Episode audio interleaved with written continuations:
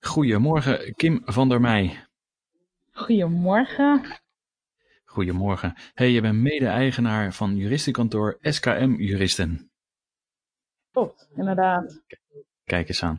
Ik denk dat er voor een hele hoop ondernemers nu best wel wat vraagstukken zijn over, uh, ja, over hoe gaan we om met, uh, met de juridische zaken omtrent personeel uh, en dat soort Mhm. zaken. Of valt het er nog wel mee? Uh, nee, er speelt echt heel veel bij ondernemers op dit moment. En vooral de ondernemers die personeel hebben. Uh, ja, echt, je merkt echt wel dat het een onzekere tijd is geworden voor eigenlijk iedereen. Niet alleen op personeelsgebied, maar eigenlijk op de hele onderneming zelf. Dus er speelt heel veel. Ja, klopt. Ja, oké. Hey, en heb je wat dingetjes wat nou echt heel erg veel speelt? Of waar, waar ondernemers rekening mee moeten houden?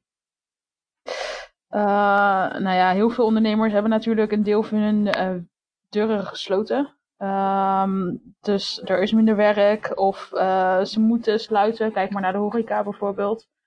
Um, dus dat is wel echt het meest wat op dit moment gevraagd wordt. En wat zij kunnen doen qua loondoorbetaling bijvoorbeeld. Ja. Oké. Hey, en uh, heb je ook al vragen bijvoorbeeld van uh, uh, ondernemers of misschien personeelsleden die ja, waar een werknemer misschien of waar een werkgever denkt van goh, misschien is er wel helemaal niks aan de hand. misschien moet hij toch maar gewoon komen werken? Ja, er zijn inderdaad ook werkgevers bij die zeggen van, nou ja, kom gewoon naar het werk toe. Het kan. Um, dat begrijp ik. Op enig, enigszins begrijp ik dat natuurlijk wel. Vooral bij de vakken waarvan je echt niet thuis kan werken. Uh, maar vaak genoeg als zo'n vraag komt, dan uh, is de werknemer daar wel vaak op tegen. Of dan denken ze gewoon van, ja oké, maar we zijn bang dat we andere mensen besmetten of dat we zelf besmet worden. En met een goed gesprek tussen werkgever en werknemer komen ze daar vaak gewoon wel uit. Dus dat is op dit moment niet het probleem. Ik denk dat iedereen wel de noodzaak ervan inziet om thuis te werken op dit moment. Ja, ja, ja dat denk ik ook. Maar uh, ik hoor toch al zo hier en daar wat uh, ondernemers uh, de, waar ik het overigens niet mee eens ben, maar die dan toch zoiets hebben van, joh, kom gewoon werken. Mm -hmm. wat, wat, kunnen daar de gevolgen voor zijn als ze dat toch doen? Als die werknemers verwacht... komen of als die werkgever... Nee, als ze toch een soort van, ver, een soort van verplichten van, joh, kom gewoon, want er is niks aan de hand en je hebt geen gegronde reden.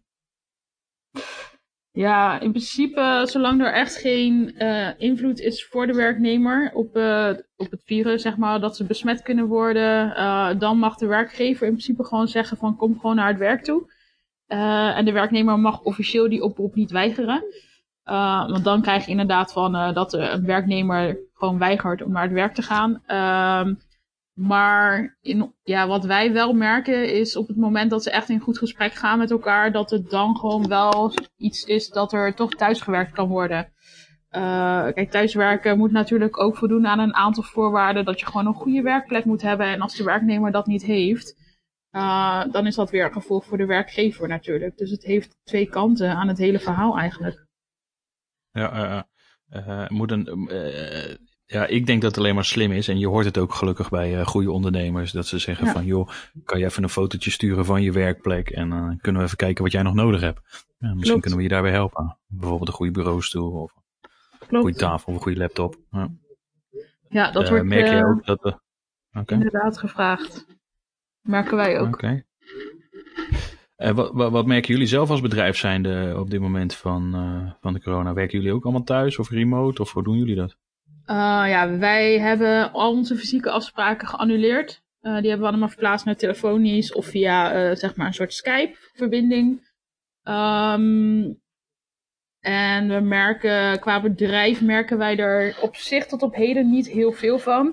Het enige wat wij merken is dat er heel veel onzekerheid speelt. En wij geven ook wel eens trainingen en lezingen. En die zijn gewoon begrijpelijkerwijs allemaal op dit moment geannuleerd. Of althans on hold gezet. Uh, tot er meer duidelijkheid is uh, tot na 6 april, zeg maar. Dus dat merken we wel. Maar qua advies en procederen en dergelijke, ja, daar merken wij nog niet heel veel van. Uh, het enige is dat de rechtbanken natuurlijk dicht zijn. Maar goed, dat is een logische beslissing. De, de, rechtbanken zijn dicht, maar toch wel voor spoedeisende zaken zijn ze toch nog wel open of zoiets? of heb ik dat mis? Ja, is inmiddels helemaal dicht. Spoedeisend zijn ze open. dus echt strafrecht en faillissement aanvragen en dergelijke. dat zijn echt spoedeisende zaken waarvoor ze open zijn. Oké. Zal het ooit nog een tijd komen dat de rechtbank ook online gaat? Nou, ik denk het wel. Ik denk dat dat uh, ooit nog wel gaat komen. Dat er via een videoverbinding een uh, rechtszaak misschien gaat komen. Uh, maar op dit moment denk ik nog niet. Maar er zijn wel roepen in het land om dat inderdaad op dit moment ook te doen. Ja, oké, maar zou dat ook niet voor de toekomst gewoon beter zijn? dat iedereen gewoon, dat bespaart zoveel tijd. En die rechters, die hebben het ook maar hartstikke druk. En jullie advocaten natuurlijk, en, of juristen. Ja, um, ja, of het echt de oplossing is, geen idee. Uh, kijk, het ligt er een beetje aan aan wat voor zaak je denk ik voor je hebt. Uh, rechters kijken natuurlijk ook naar emotie en dergelijke. En op videoverbinding is dat misschien net iets moeilijker in bepaalde zaken om echt daar een, uh, ja, om daarnaar te kijken, om het zo maar even te zeggen. Oké, ik dacht dat, ik heb er geen, geen verstand van hoor, maar ik dacht dat rechters altijd juist het los van moesten zien van emoties. En, uh, Ze moeten inderdaad op de kijken, maar sommige zaken, ja, sommige zaken zien ze toch echt wel, dan, ja, dan willen ze toch wel zien of het echt iets met iemand doet bijvoorbeeld. En dat, uh, ja, ze blijven objectief in hun oordeel. Maar je kan wel merken soms dat, uh, dat de rechter daar ook naar kijkt, zeg maar. Of dat hij echt aan het liegen is bijvoorbeeld, of iets dergelijks, ja. Dus dat is lastig. Oké. Hey, uh, stel nou dat je echt, uh, echt behoorlijk in de, in de problemen komt door het coronavirus met je bedrijf. Ja. Uh, zijn er dan nog juridische stappen die je kan zetten naar de overheid of naar andere instanties? ja, er zijn diverse maatregelen genomen door de overheid op dit moment natuurlijk.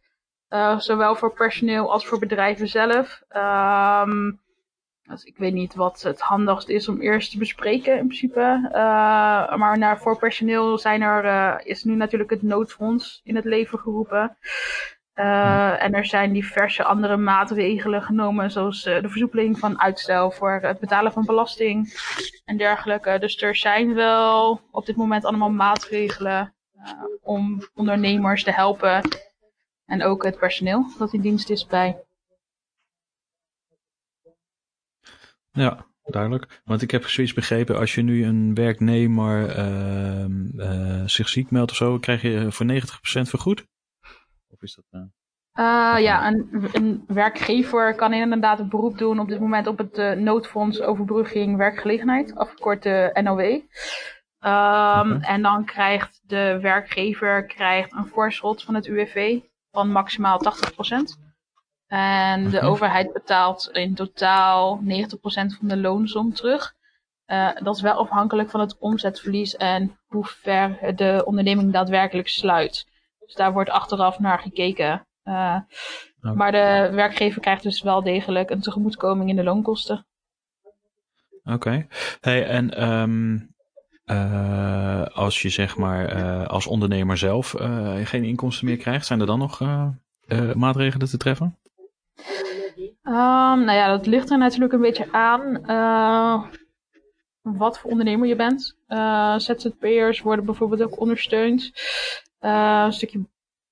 En um, ja.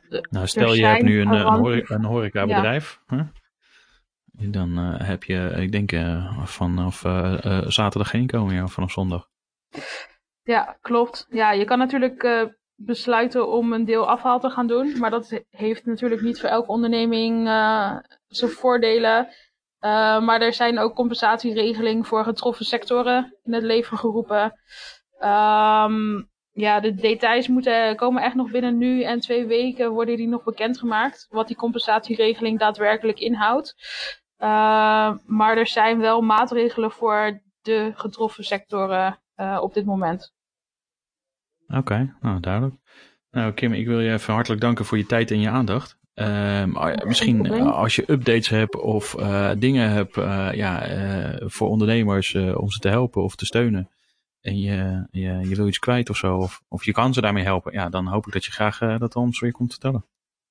Tuurlijk, je mag altijd een belletje geven. En wij delen ze sowieso ook via onze eigen social media kanalen. op het moment dat we iets weten.